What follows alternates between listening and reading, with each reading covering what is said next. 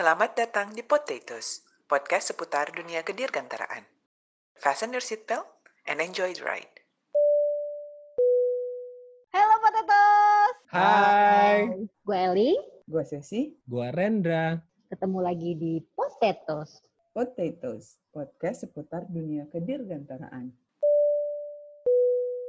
Selamat malam Potatoes. Kali ini kita kedatangan tamu yang spesial yang bakal cerita tentang salah satu tentang drone juga nih. Ini dari sa- salah satu manufacturer drone di Indonesia.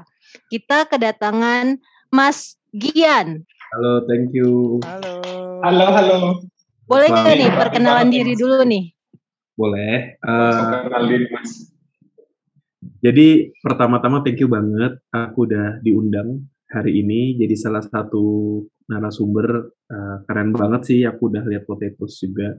Wah, kayaknya keadaan gitu ya buat kita. Nah, eh, kalau secara aku sih singkat aja sebenarnya. Kalau dipanggil itu aku biasanya namanya Gian, luar negeri Albert sih.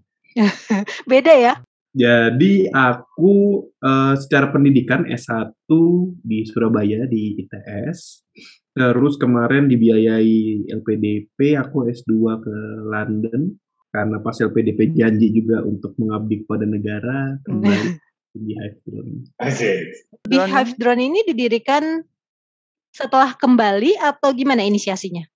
Sebetulnya pas saat saya eh, kuliah di Inggris tuh bingung juga kita mau pulangnya mau ngapain. Karena background saya itu sebetulnya adalah material engineer. Jadi material engineer di Indonesia aku rasa kurang banyak eh, exposure-nya kali ya, kurang banyak.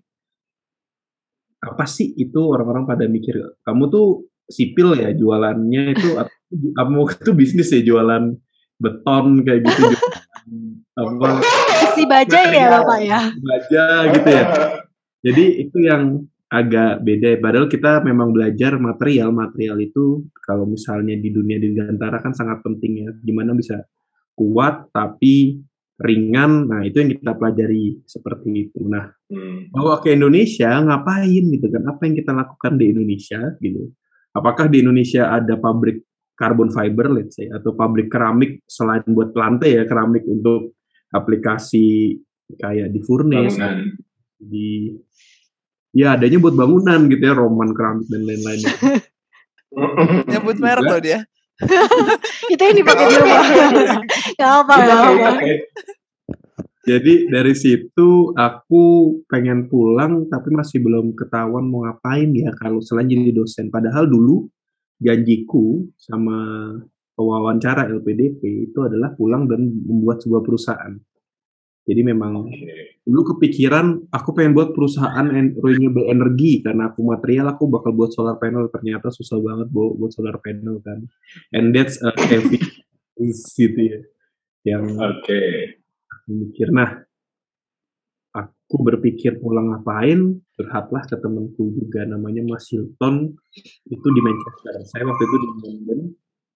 Lalu ada Mas Hilton itu PhD di Manchester beliau juga bingung pulang mau ngapain karena janji beliau itu adalah bikin pusat riset pusat riset Hmm. robotik dan eh, pesawat tanpa awak jadi memang Wow. Nah, itu yang kemudian lalu kita ngobrol eh, ngopi-ngopi lah di warkop sana ya, uh, warmai warmindo gitu kan. Warmindo, eh, biar agak ini British ya.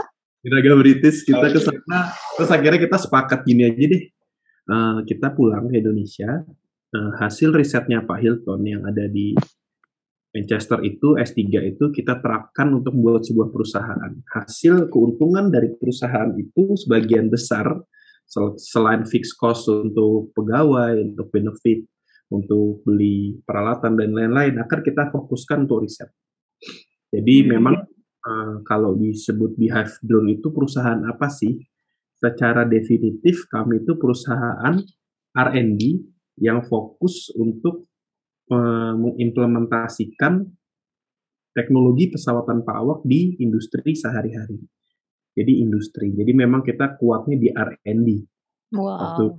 saat kita bilang eh, atau teman-teman lain di dunia drone bilang, oh saya drone buatan Indonesia gitu kan. Tapi kalau kita ulik seberapa buatan Indonesia sih lu gitu? Apa lu itu sebenarnya Hmm. kan eh, yang beli dari luar lalu dirakit di Indonesia gitu atau hanya desainnya dan lain-lain. Sedangkan di Beehive Drone memang dari desain pesawatnya sampai ke sistem kontrolnya itu ya kita buat sendiri kayak gitu. Jadi Ah, 100% murni nih? Atau Betul. masih ada pengaruh, uh, masih ada equipment yang dari luar gitu atau semua bikinan hmm, dan dalam negeri? bisa bilang mungkin eh, ini harus diverifikasi sama TKDN gitu ya sebenarnya. Tapi Nah, buat saya sih 70% ke atas itu udah punya Indonesia sendiri sih. Wow. Sampai teknologi baterainya pun kami berusaha untuk bisa pakai punya Indonesia sebetulnya. Hmm. Oke.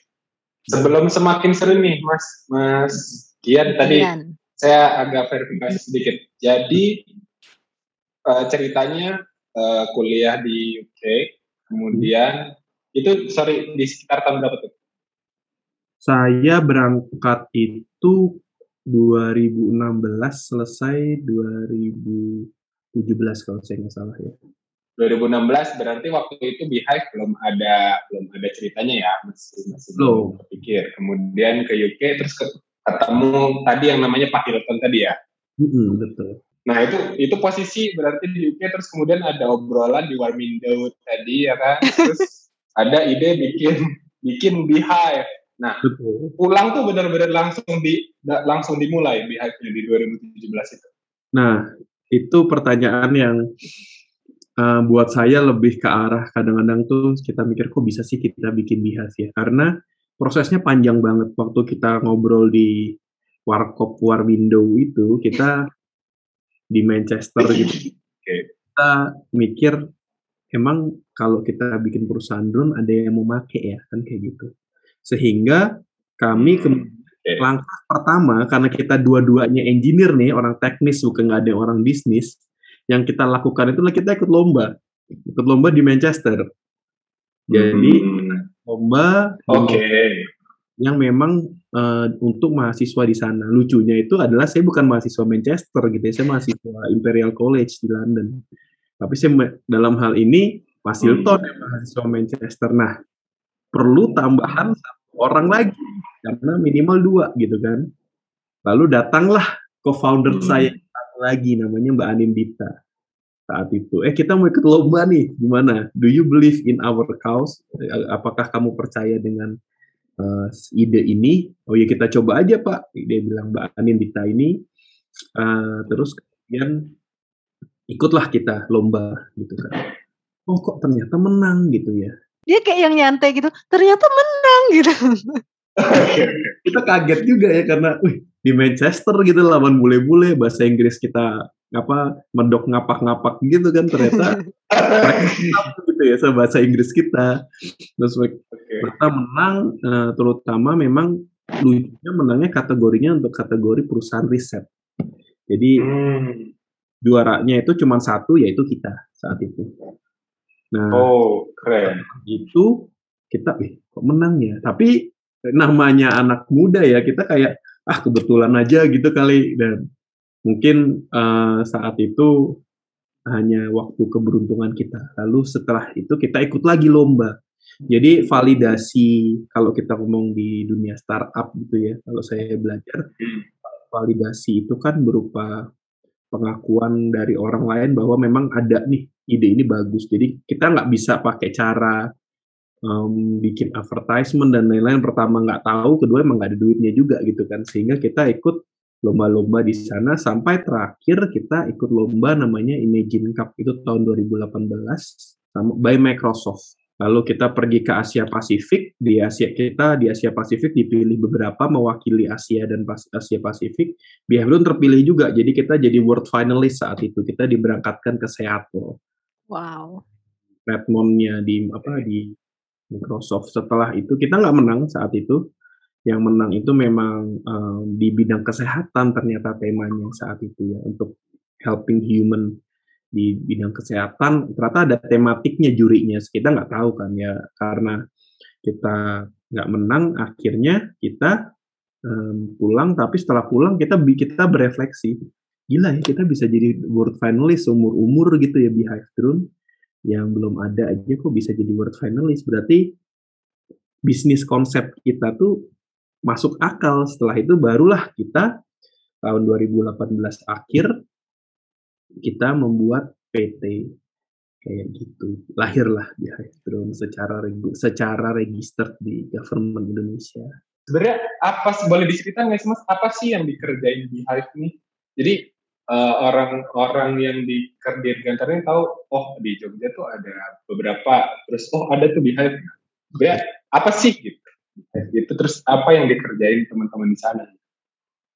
Oke jadi um, kalau dari apa yang dikerjakan Beehive balik lagi kita memang berwawasannya lebih ke riset and development dan implementasi. Apa sih yang diriset sebenarnya kita itu merisetkan drone system atau kalau bahasa ofisialnya unmanned aerial system ya.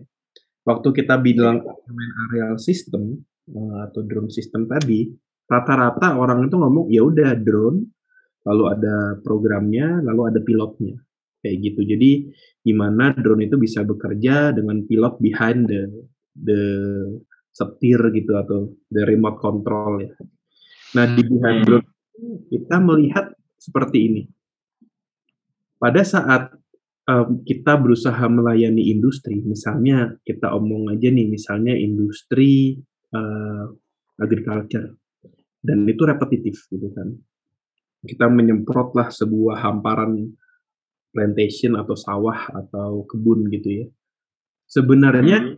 yang membuat titik lemah di value chain itu adalah lagi-lagi bukan drone-nya sebetulnya, tapi manusianya, hmm. pilotnya. Kenapa? Ya karena balik lagi manusia itu dalam mengoperasikan sebuah kendaraan itu dia kadang-kadang lagi fit, lagi kalau enggak lagi sakit, hmm kadang-kadang kita bersin-bersin, bayangkan lagi ngeliatin drone bersin-bersin gitu, drone-nya ke mana habis itu kan. Nah, si drone pada saat kita mendefinisikan unmanned aerial system atau drone uh, sistem tadi, kita mendefinisikan gimana membuat itu lebih aman dan salah satu caranya itu adalah dengan mengeliminasi kebutuhan pilot di dalam sistem tersebut, kebutuhan orang. Jadi yang dirisetkan Beehive dalam jangka panjang sebenarnya itu kita membuat sistem yang bisa dipakai di industri-industri kayak misalnya pertanian, kehutanan, lalu mungkin sampai kita mikir ke logistik, pengantaran, tapi ini nggak tergantung orang lagi. Gimana caranya buat hmm. pekerjaan ini karena kita semuanya ke komputer algoritma. Ya, gitu. Jadi, oh. jadi lebih otonomus gitu ya? Betul, kita mendefinisikan otonomusnya itu dengan mengurangi human intervention di dalam pelaksanaan misi-misi drone tersebut. Menarik sih, kita juga pernah ngebahas tentang human factor sebenarnya ya, hmm. sebelum-sebelumnya. Nah ini um, kalau di Beehive malah faktor manusianya diminimalisir supaya lebih um, apa namanya otonomus gitu. Hmm. Jadi mungkin faktor-faktor uh, celah di human factor itu yang dieliminasi ya. Betul, kelemahan-kelemahan misalnya nih uh, saya sama Mas Rendra atau Mbak Sesi atau Mbak Eling, walaupun saya punya perusahaan drone, apa tidak berarti saya itu lebih ahli dalam mengoperasikan drone tersebut kalau drone tersebut dioperasikan sangat tergantung pada pilot kayak gitu karena itu balik lagi ke talent dan pada saat kita ngomong scale up operation, kita ngomong operasi secara masif, kita nggak bisa tergantung pada hal tersebut, kan kayak gitu. Ibaratnya okay. ya galau aja itu langsung performanya menurun gitu kan. Keren, Rendra. Tidak sesuai hitungan kita, yeah. atau tiba-tiba iya, cicilan yeah, yeah. tidak terbayar, itu tuh fokusnya udah berubah. itu yang membuat saya nyetir di hari Senin sama nggak di hari Senin beda tuh pasti performanya. Iya bener, apalagi udah Jumat udah gajian gitu kan mau nongkrong, aduh nggak bisa, nggak bisa kalau drone pengen terbang beneran di atas kepala kita dan itu ribuan harus ada sistem yang um, bisa mengoperasikan itu secara independen dan itu bukan manusia sebetulnya. Oh ini berarti nyambung sama, uh, aku kan kepo nih ya, ada tagline di websitenya Beehive. Itu Hmm. ada swarm drone, maksudnya seperti itu? Gitu. Betul, jadi nama Beehive itu sendiri, kenapa sih namanya Beehive drone?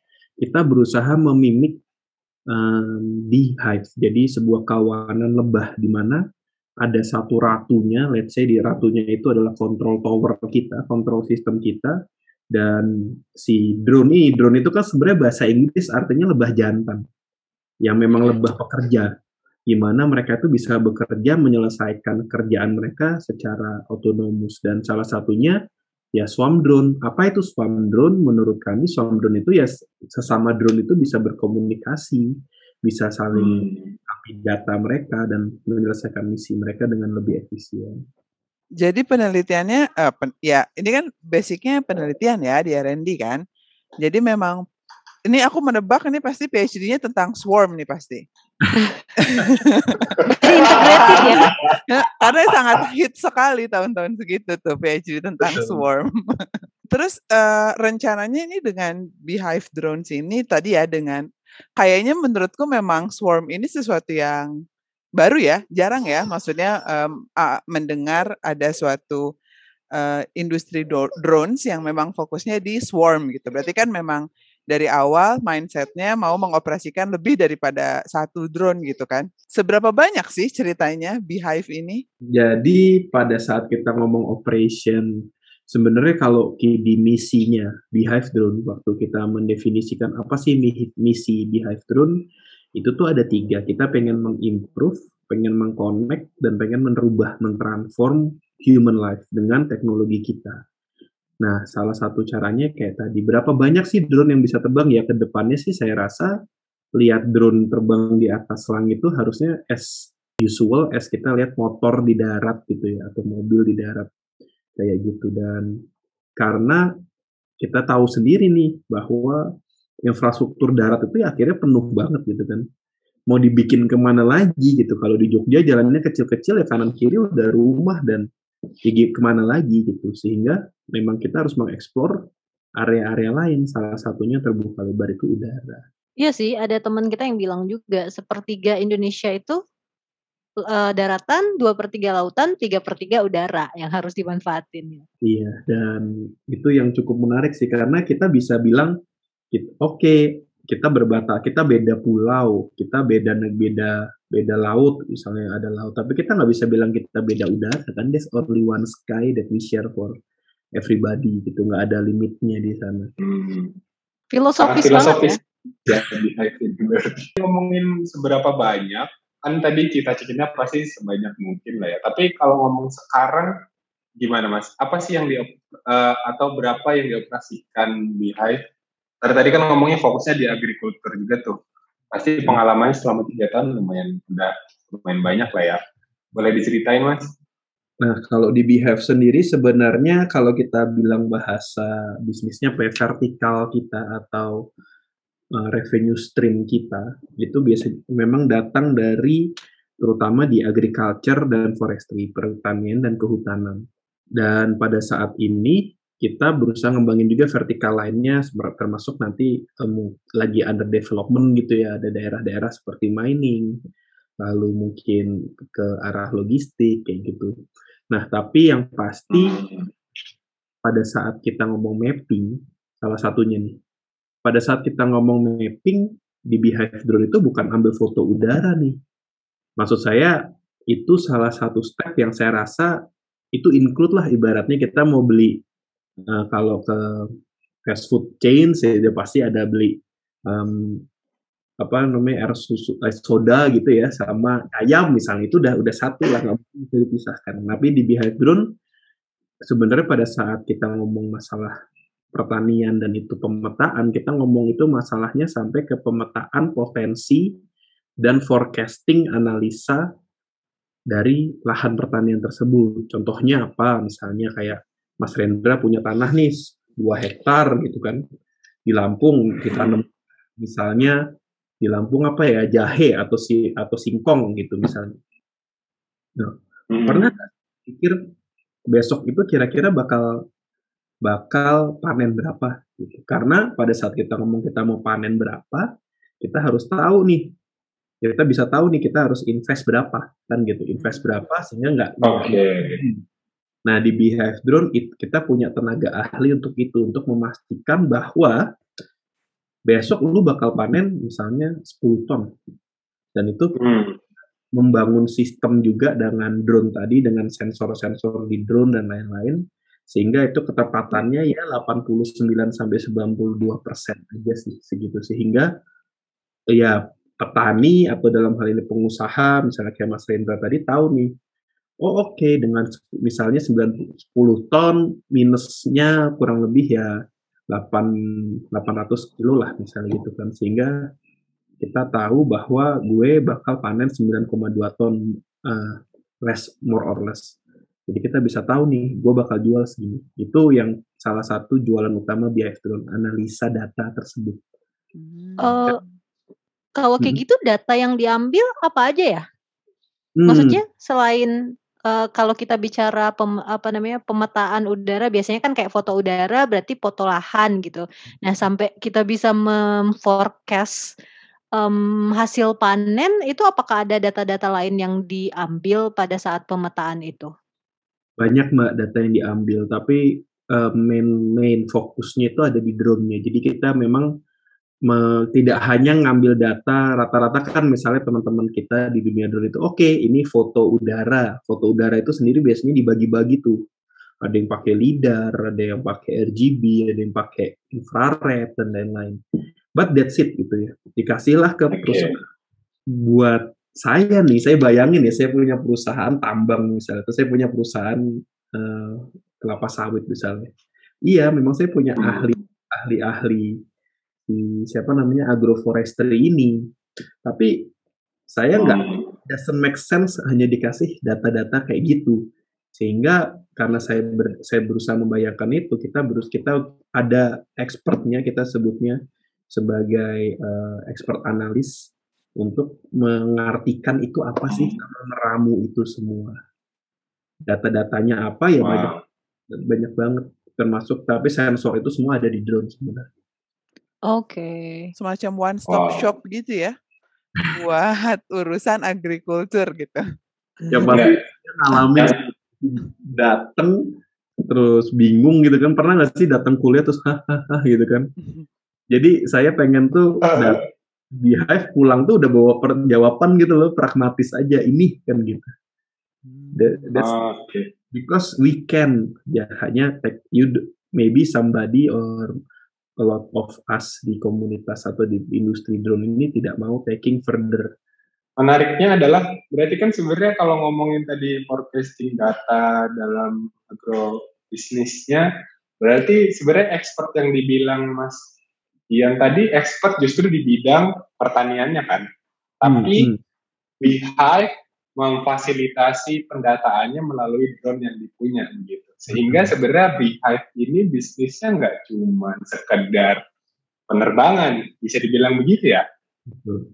Jadi kalau Wah, tadi misinya Mas bahwa kami itu adalah uh, perusahaan drone yang fokus di R&D dan implementasi di industrinya kayak gitu. Dan industri itu bisa apa aja. bisa Yang apa saat ini yang berjalan, yang saat ini berjalan adalah agrikultur, gitu dan ya. forestry betul. Karena butuh ahlinya di bidang agrikultur dan forestry juga kan ya, bukan cuman. Ya. Ini Ini tuh dia. benar-benar apa ya? Menurutku kayak salah satu bentuk dari pemanfaatan teknologi yang Implementatif gitu. implementatif banget gitu. Iya, dan ini tuh eh, kita bisa lihat juga bagusnya adalah Beehive bisa mensinergikan itu. Jadi menjadikan eh, Dirgantara sebagai tools untuk penerapan di industri agribisnis gitu. Itu kan kayak dua hal yang Hmm. berbeda banget ya. Yang satu di udara, yang satu di eh, ground gitu, di tanah gitu ya. Tapi bisa ngelink dengan si eh, apa melalui toolsnya dari Beehive drones. That's really nice actually. Hal-hal yang berbau sinergi itu memang menarik. Betul Mbak dan, Dan semangat saat ini ya itu kolaboratif sih. Makanya jangan lupa drone itu pesawat itu itu sebenarnya tools Cuman gitu kan. alat. alat yang tergantung mau dipakai di mana nih kayak kita punya mobil mau buat cuman buat balapan, buat nganter ke kantor atau mau buat jualan nasi bungkus sebenarnya bisa juga gitu kan. Benar. Iya iya iya. Iya ya, jual kelontongan pakai drone gitu ya nanti di masa depan ya. iya, panci gitu ya gitu. Ngirimin panci, Dre. Bisa Ren. banget orang sekarang ini tukang sayur Amazon aja udah pakai ini kok, pakai mobil, pakai motor. Cuman Iya. hanya beda ini doang. Terus ini pertanyaanku, apakah konsep yang sama ini yang dibawa buat ikut lomba-lomba kemarin itu? Betul. Jadi pada saat kita ngomong industri drone itu terpisah ya misalnya jadi yang linking yang saya rasa kayak tadi di highlight itu adalah seberapa willing sih kita itu men-shape tools kita untuk industri tersebut. Kayak misalnya kita punya sekop gitu kan, tapi sekop itu mau dipakai buat apa nih? Buat gali tanah atau buat tentara misalnya bikin bikin pertahanan kayak gitu, that's some sekop yang sama fungsinya tapi beda bentuknya kan misalnya kayak gitu. Jadi dalam hal ini eh, kita berusaha karena memang kita yang punya teknologi itulah misalnya kita flexingnya itu kalau kita bilang apa flexing otot gitu misalnya ya karena gue buat gue paham ini kan yang buat saya that's the very example bahwa memang Behavior itu perusahaan riset and development karena I can pursue any industry yang saya rasa marketnya menarik buat kita because we own the technology ini. Oke. Ah. Dan dan research and development itu berarti suatu saat bisa datang orang dengan eh, bisnis yang berbeda dari yang pernah dilakukan oleh Beehive Drones dan minta solusi dari Beehive Drones gitu ya kurang lebih. Betul Mbak Yuga Mbak jadi kayak gitu. Oh iya iya. Ini forecasting bisnis sudah ya. Ini cocok banget nih. Kalau kita lihat nih ya, di sebelah kanannya Gian tuh ada tagline-nya, redefining the possibilities. Is that the spirit? It is, it is, it is the spirit. Jadi di Beehive Drone itu dulu awal-awal waktu kita berusaha penetrate ke market, masuk ke market Indonesia, pertanyaannya itu, Mas, saya itu punya masalah, em, misalnya dalam sebuah pabrik, orang ini mainin antar barang gitu ya, komponen kecil gitu, misalnya baut lah atau apalah. Tapi orang yang saya hire buat nganter, itu tuh ternyata lebih banyak berhentinya nih, berhenti untuk beli jajan lah, ke musola lah gitu. Di musola bukannya sholat, tidur gitu kan misalnya. Karena pengen selesai. That, that's the very normal human behavior ya buat saya. Bisa nggak sih gitu kan? Mungkin nggak sih? Itu tagline kita terus sehingga kita terus dalam hal ini memutuskan Oke, karena kita punya teknologi, kita perusahaan juga riset dan development, dan kita fokus ke implementasi.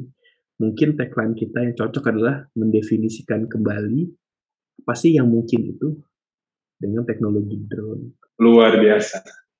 Eh, customernya Beehive Drones nih kalau boleh tahu tuh siapa aja sih sekarang? Kalau customer kita sebetulnya saat ini memang lebih di arah uh, business to business. Dan kita sekarang going towards the business to government juga. Kayak gitu. Hmm. Tapi kita belum Hmm. melayani langsung bisnis to uh, karena Customer. customer B2C kita belum ke sana. Paling mendekati selama ini adalah B2B ke 2C. Jadi B2B to C kayak gitu. Ada agregatnya yang mengumpulkan customer-customer itu untuk kemudian pakai. Kenapa? Contohnya gini deh. Drone sprayer. Kita misalnya tahu sawah di Indonesia itu berapa sih luasnya paling kurang lebih 2000 meter persegi lah. Mm-mm. Bayar. Kalau pakai orang mungkin dia taking tiga meter sawah itu dengan rata gitu. Di drone itu tiga menit gitu loh, 3 sampai 5 menit satu petak itu. Kalau saya kalau saya hanya melayani satu eh, dalam hal ini sayang karena ya lima menit terbang gitu kan pulang gitu persiapannya ke sananya mungkin lebih jauh gitu ya dari lebih lama dibandingkan penyemprotannya sehingga kita lebih melihat oke misalnya kita pengen melayani em, menyemprot di sawah misalnya. Kita nggak connect ke Pak Taninya A, Pak Tani B, tapi kita connectnya ke Gapoktan misalnya, ke gabungan kelompok tani yang dia punya sawah, misalnya 5 5 petak, 10 petak kayak gitu. Kita bakal semprot itu. Bukan berarti berarti kalau cuma satu petak nggak dilayani Mas, nggak gitu juga. Tapi dalam hal ini kami ingin menggarisbawahi bahwa gue ada di sini loh and I'm here to help you. Maksimalin dong gue di sini kayak gitu supaya semua bisa dapat manfaatnya nggak sporadis tapi semua itu bisa memanfaatkan teknologi drone yang sekarang itu sudah kita miliki dan sangat affordable buat kalian. Oke. Okay. Terus terus uh, tadi kalau cerita ini kan uh, research and developmentnya jadi bukan hanya di uh, drone-nya sendiri dan tadi juga cerita ya bahwa TKDN-nya itu ya kira-kira udah bisa di atas 70 persenan ya? Ya. Dari Beehive Drone. Um, bisa diceritain nggak konsep drones yang dibangunnya itu seperti apa sih yang dipakai di Beehive itu? Apakah ada macam-macam atau bagaimana? Jadi karena tadi kita memang ada divisi untuk desain dan manufaktur juga di Beehive Drone, jadi bisa kita buat sesuai dengan kebutuhan di pasar. Jadi pada misalnya nih kita membuat sebuah kalau kita ngomong design thinking untuk riset itu kan kita ada hipotesa awal asumsi gitu ya. Kita hmm. dalam asumsi itu kita udah hitung tuh apa market risetnya itu berapa sih marketnya gini gini gini gini willingness sampai kayak gitu itu ada di bagian sendiri lah di bagian divisi business development.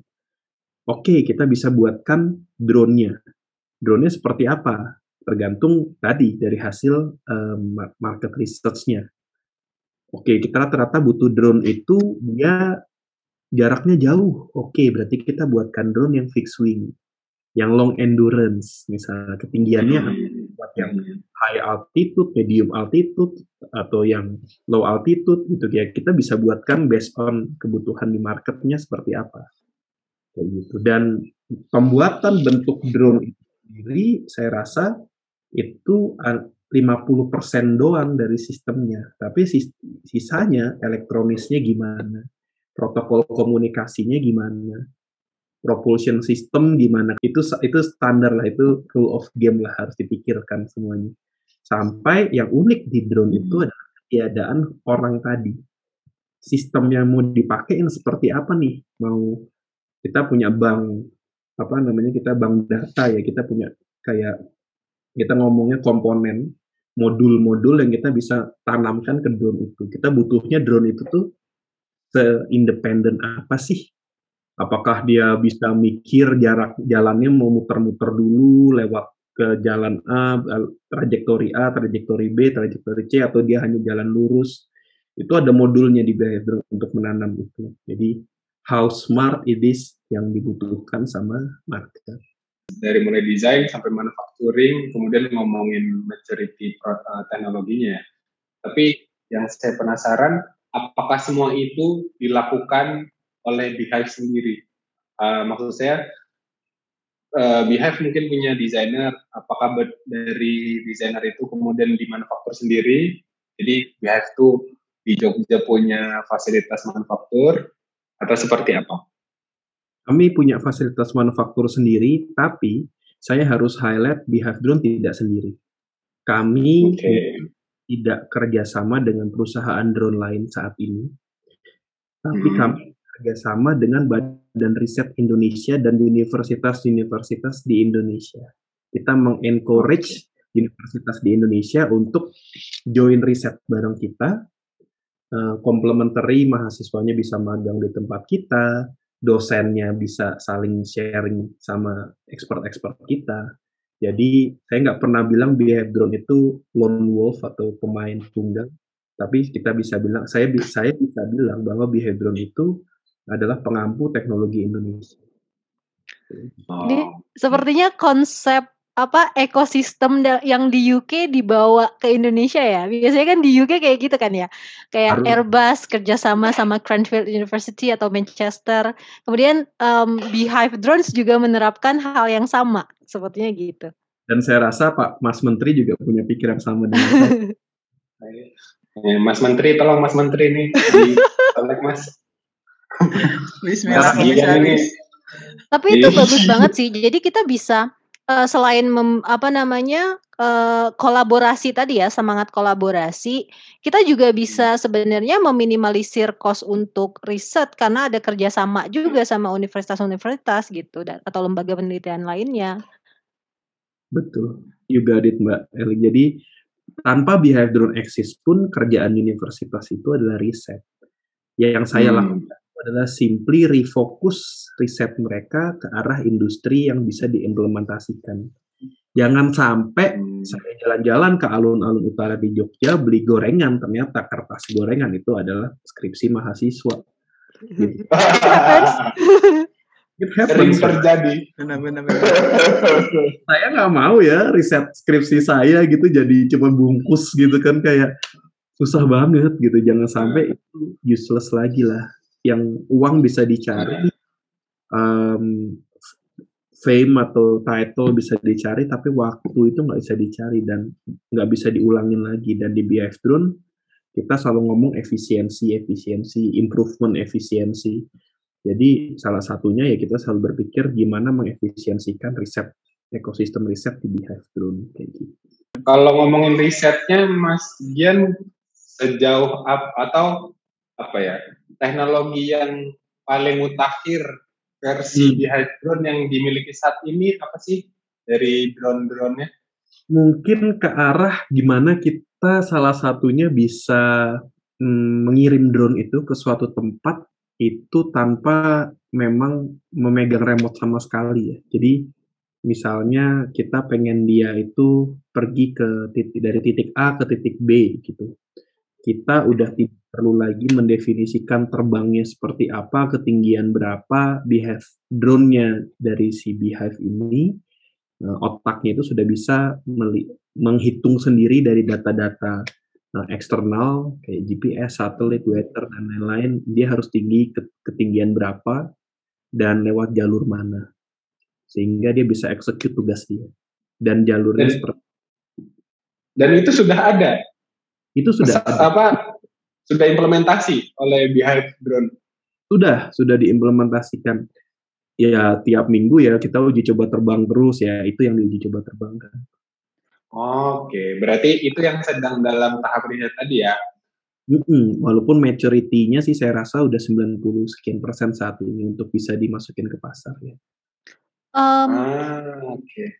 Di Beehive drone sendiri kecap nggak sih dengan eh, apa namanya regulasi dari drone yang sekarang kan kayaknya kita harus ngikutin regulasi terbaru ya kemarin sempat kita bahas juga sih tentang apa Betul. namanya regulasi untuk UAS UAS ya bilangnya bukan Hmm. UAV doang nah Iya. itu gimana dari Beehive drone sendiri Nah, itulah yang kemudian saya rasa agenda terpenting Drone saat ini. Dari segi teknologi, Drone udah excel lah, udah udah bisa punya satu dua langkah di depan dibandingkan pasar Indonesia lah, let's say. Tapi eh, agenda terbesar Drone ini, termasuk research and development-nya adalah di bidang regulasi. Makanya kita nge-push itu sekarang. Kita nge-push gimana Drone bisa hadir pada saat rapat penyusunan undang-undang, rancangan undang-undang itu ada saya atau tim legal Drone di sana untuk kasih masukan sebagai tenaga ahli. Karena kalau tidak itu dan itu sudah dilakukan ya itu agenda tahun ini sebenarnya. Kayak kemarin saya Hmm. undang meeting untuk uh, dengan kementerian terkait dan lembaga hukum salah satu lembaga hukum di Indonesia. Itu kita diundang Hmm. untuk itu. Dan kenapa itu sangat penting? Karena kalau tidak itu lagging behind terus gitu loh. Lagging behind dari teknologi yang sudah ada. Saya nggak bisa bilang teknologi Beehive Drone itu the only one di dunia. Mungkin ada beberapa yang memang kita yang nomor satu di dunia dalam hal pengembangan sistem drone, tapi is not eh, not all of it. Beberapa itu sudah umum di dunia, tapi tidak dicantumkan dalam undang-undang gitu, belum ada di regulasi kita tuh belum sampai ke sana kayak gitu. Jadi kita punya misi besar untuk kemudian um, bisa hadirlah sebagai tenaga ahli paling tidak untuk memberi masukan teknologinya seperti ini loh yang ada di dunia let's say. dari Kementerian Perhubungan memang kan regulasi tentang drone ini memang di Indonesia sedang mencoba catch up terhadap regulasi di internasional dan juga mencoba menyesuaikan terhadap teknologi drone yang sudah mulai uh, familiar di kalangan uh, masyarakat Indonesia dan mungkin tadi Mas Dia juga sebutkan BF Drone menjadi salah satu uh, pihak yang aktif membantu membangun proses itu. Tapi ngomong-ngomong, kalau produk uh, Beehive sendiri yang saat ini uh, yang sudah baik yang sudah berjalan maupun yang sedang dalam development sudah ini belum sudah mempertimbangkan compliance terhadap regulasi yang sudah ada belum? Harus dong mas, kalau nggak nanti kita nggak dapat izin operasi. Oke, okay. berarti sekarang pertanyaannya dibalik. Berarti izin operasi untuk produk-produk Beehive yang sekarang itu sudah di announce ke apa pihak yang terkait gitu. Dalam hal ini mungkin Kementerian Perhubungan ya. Sudah, jadi Kementerian Perhubungan di teman-teman di sana saya rasa juga berusaha lari sekencang mungkin ya. Kayak hmm. mereka sekarang punya Sidopi, lalu hmm. terbentuk nih misalnya kita pengen uji coba terbang atau kita pengen operation, kita kontak Airnav, dari Airnav lalu kita nanti ke Direktorat Navigasi Penerbangan, lalu kita balik lagi ke Airnav untuk isu notam misalnya notice to airman kalau diperlukan di daerah-daerah tertentu gitu ya. Nah, itu okay. sudah ada. Walaupun ya dalam hal ini juga masih terbatas. Misalnya daerah-daerah yang um, mana yang butuh notam, mana yang tidak butuh notam itu karena beberapa masih manual juga sebetulnya. Hmm. Okay. itu sebenarnya kesempatan bisnis juga yang Behavior lihat. Apa bisa nggak sih kita mengautomasikan itu dalam hal pengurusan izin dan lain-lain itu sebenarnya bisa nggak sih dibuat semacam software kayak gitu. Kita oh. Nah, jadi, jadi sebenarnya kalau kalau Behave sendiri sudah sangat familiar ya sebenarnya untuk compliance terhadap regulasi-regulasi operasi khususnya. Gitu. Betul. Ya karena balik lagi uh, di Behave Drones ya kita ini berusaha membantu dengan teknologi drone bukan malah menyulitkan termasuk menyulitkan itu ke arah regulator ya karena mereka juga bikin regulasi dengan alasan salah satunya alasan ke keamanan tadi. Makanya kita berusaha eh, dalam hal ini membuat sistem yang lebih aman buat mereka. Pernah kejadian tuh Mbak Sesi mungkin waktu itu masih di sana ya waktu ada drone di Inggris di ada drone DJI kalau nggak salah Phantom yang diterbangkan di tiba-tiba masuk ke perimeter Gatwick Gatwick uh, Airport itu saya itu bukan salah drone-nya kan, itu salah orangnya kan. That's the human behind the remote control tadi. Itu yang saya pengen ke depannya biar drone itu bisa membuat sebuah sistem yang dipakai nationwide Indonesia government untuk uh, udahlah pakai control system Beehive aja for every drone di sini bahwa drone itu nggak mungkin bisa masuk ke perimeter airport kayak gitu kita bisa buatkan sistem pada saat dia nyentuh koordinat geofencingnya. Hmm, sebuah ovidnas ya drone mati. Either dia balik atau mati. Udah sejauh itu ya? Ya itu itulah mas kalau emang kita punya apa fokus di research and development ya akhirnya sejauh itu. Dan gara-gara ini industri PT ya nggak bisa agak pelan harus kenceng. Kalau nggak kita nggak gajian kan gitu. Jadi ini dia. Ini dia. Ini dia yang mau saya tanyakan dengan segala macam ide yang luar biasa tadi, terus yang harus juga cari uang ya kan untuk menggaji karyawan-karyawan yang so pasti keren-keren juga ini. Pertanyaan saya mas, susah nggak sih menjalankan bisnis semacam ini di Indonesia yang teknologinya masih up, terus regulasinya juga masih ngejer kenceng gitu? Semua pengusaha saya rasa apa pun itu pasti akan merasa ya susah mas. Kan kayak gitu. Ibaratnya akhir bulan sama tersenyum gembira saya tersenyumnya lebih lebih kecil gitu ya karena kita dibatasi terbatas. gitu. Memang di dunia drone saya rasa by the end of the day ini blue ocean ya kalau kita ngomong bisnis ya. Ini masih sangat hmm. banyak uh, marketnya di sini. So in one point ya ya memang kesempatannya besar dan tinggal kuat-kuatan strategi dan teknologi aja nih. Gimana caranya kita bisa mentap market tadi yang memang masih belum ke tap masih masih blue kayak gitu. So kita sih optimis ya dari segi market Indonesia ada. Um, banyak buat for everybody for now gitu. Jadi belum bolan lah kayak gitu. Jadi for us ya it is hard it is of course challenging for me karena sebagai CEO sebagai direktur utama ya it's my job untuk keep the company alive ya tapi Hmm. not okay kok karena by the end of the day ya isinya behavior itu orang-orang yang memang pengen mengabdi kurang lebih. Ini terkait nggak sih sebenarnya alasan kenapa sih Beehive Drone ada di Jogja? Apakah ini terkait dengan uh, bisnisnya? Soalnya kalau kita lihat kayak uh, market bisnis kadang lebih dekat di kota uh, di ibu kota gitu, misalnya Jakarta atau mungkin uh, ya deket-deket perimeter ibu kota lah. Sekarang tuh kan Beehive malah pusatnya ada di Jogja. Alasannya apa sih? karena kita harus bisa membedakan mana pondokan di mana itu umat dalam hal ini di mana itu uh, tempat untuk membuat teknologi di mana tempat untuk mengimplementasi menjual di mana tempat untuk implementasi jangan di kita satukan oke memang Oke. kita banyak nih di di Jakarta, let's say di ibu kota, walaupun kebun mereka sebenarnya di, di Sumatera, di Kalimantan gitu kan.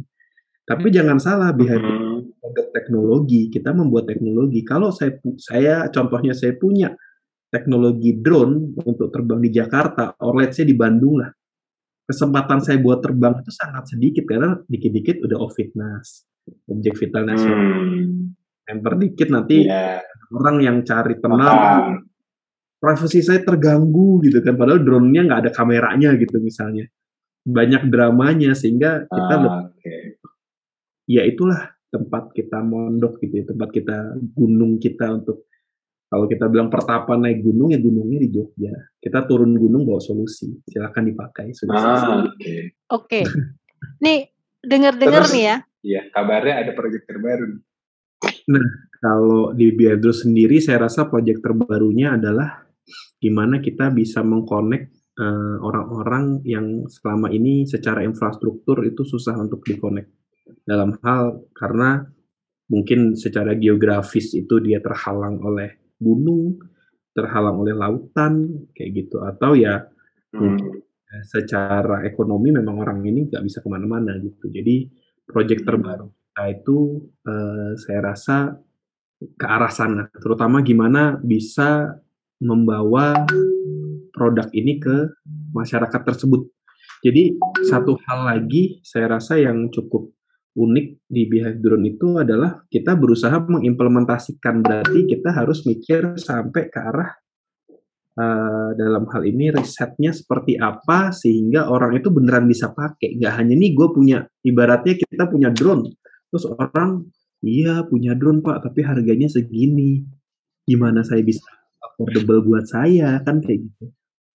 Kadang-kadang kan orang teman beberapa perusahaan drone di Indonesia itu simply sebenarnya reseller kan kayak gitu. Ini gue punya teknologi beli gitu kan. Kalau mau pakai kalau enggak ya ya bukan market saya kayak gitu. Padahal nggak boleh kayak gitu menurut saya. Menurut saya itu ya gimana masyarakat bisa make salah satunya. Jadi eh, riset terbaru kami itu adalah gimana sih sistemnya sehingga masyarakat di Indonesia itu bisa pakai drone ini apa pun drone itu sebetulnya gimana secara ekonomi secara manfaat dan itu salah satu riset yang saya rasa paling hot saat ini karena nggak hanya masalah ngotak-ngatik baling-baling atau sayap, tapi lu udah operasi di lapangan. Oke. Ini sistem yang lebih besar berarti ya yang sedang coba dibangun oleh ini. Betul. Luar biasa.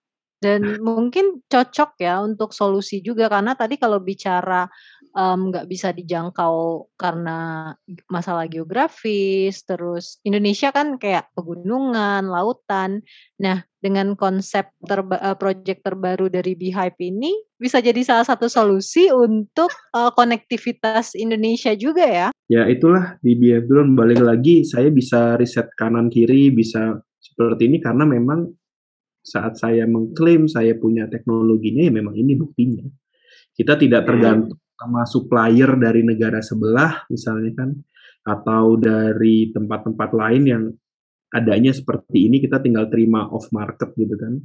Di Drone ya, we make this misalnya, oh ternyata Mas pesawatnya nggak bisa terbangnya hanya 10 kilometer let's say, harus terbang 50 kilometer, oke, we can make it.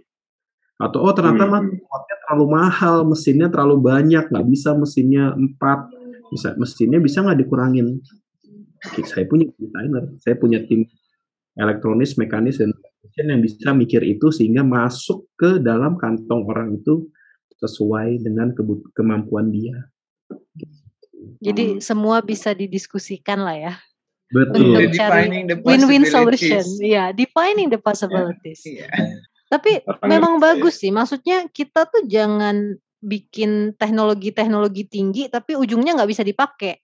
Nah, konsep yang diterapkan di Beehive nih kerennya di situ menurut gue karena kayak nggak cuman riset aja dengan teknologi yang notabene kayak di langit banget, tapi gimana caranya dia bisa ngebumiin supaya bisa dipakai masyarakat luas. Itu Iya. kayak apa ya? Manfaatnya tuh terasa gitu, bukan cuma untuk orang-orang yang bisa yang apa ya? Mmm, menjangkau teknologi ini, tapi bisa sama sampai ke masyarakat bawah gitu. Keren, keren, keren. Semoga semuanya dilancarkan. Amin. Mohon doanya ya. Amin. Amin. Amin. Dan amin, semoga saya doakan semoga TKDN-nya bisa 100% ya. Amin. Amin. Kalau itu udah nggak tergantung saya lagi tuh, udah tergantung teman-teman industri lain tuh. Iya. Ini konsep kemandirian teknologinya bisa tercapai. Amin. Tapi ngomong 100% jadi agak penasaran mungkin gak sih 100% saya rasa mungkin ya, karena memang yang paling berat di dalam drone itu kita sistem otaknya kita yang buat, so nggak usah khawatir masalah Oke. itu. Sulit itu adalah elektronisnya, tapi elektronis itu sendiri kalau kayak kayak baterai em, itu masuk ke dalam eh, kalau nggak salah rencana strategis pemerintah kita. Jadi baterai akan ada. Berarti tinggal motor nih, motor Hmm. sama eh, mungkin cetakan baling-baling kayak gitu propeller gitu kan. Kalau motor saya rasa bisa lah di Indonesia kita bisa bikin motornya. Baling-baling ya Baling-baling bisa sih. Bisa harusnya ya kalau kita kalau Ya. masalahnya di drone itu baling-baling itu buatnya either pakai carbon fiber or pakai komposit lah atau pakai mungkin kayu kayak gitu. Ada beberapa yang. Hmm. We can, of course. Aku saya pede kok dalam hal ini misalnya besok kita tiba-tiba di embargo, kita tetap bisa produksi. Jadi guys yang punya kemampuan untuk cetak apa tadi baling-baling terus mau mendesain motor silahkan hubungi Mas Gian untuk berkolaborasi. Kita Biar carikan TKDN-nya Beehive jadi 100% as soon as possible. Betul. Betul. Anyway, kita udah ngobrol panjang banget nih. Kira-kira dari Gian sendiri ada closing statement nggak atau apa yang pengen disampaikan sama eh, ke listener potatoes?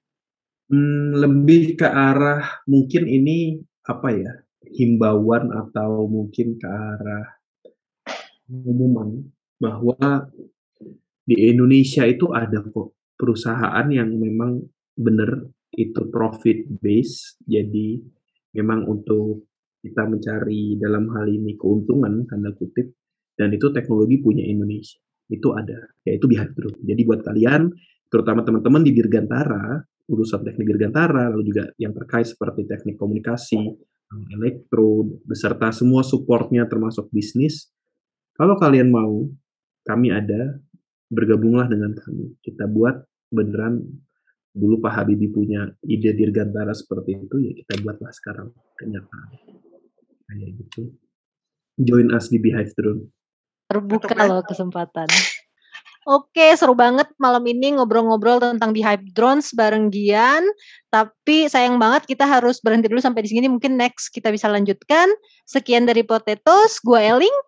Gua Sesi. Gua Rendra dan teman ngobrol kita hari ini. Ian dari Beehive Drones. Sampai jumpa di episode selanjutnya. Dah. Dadah.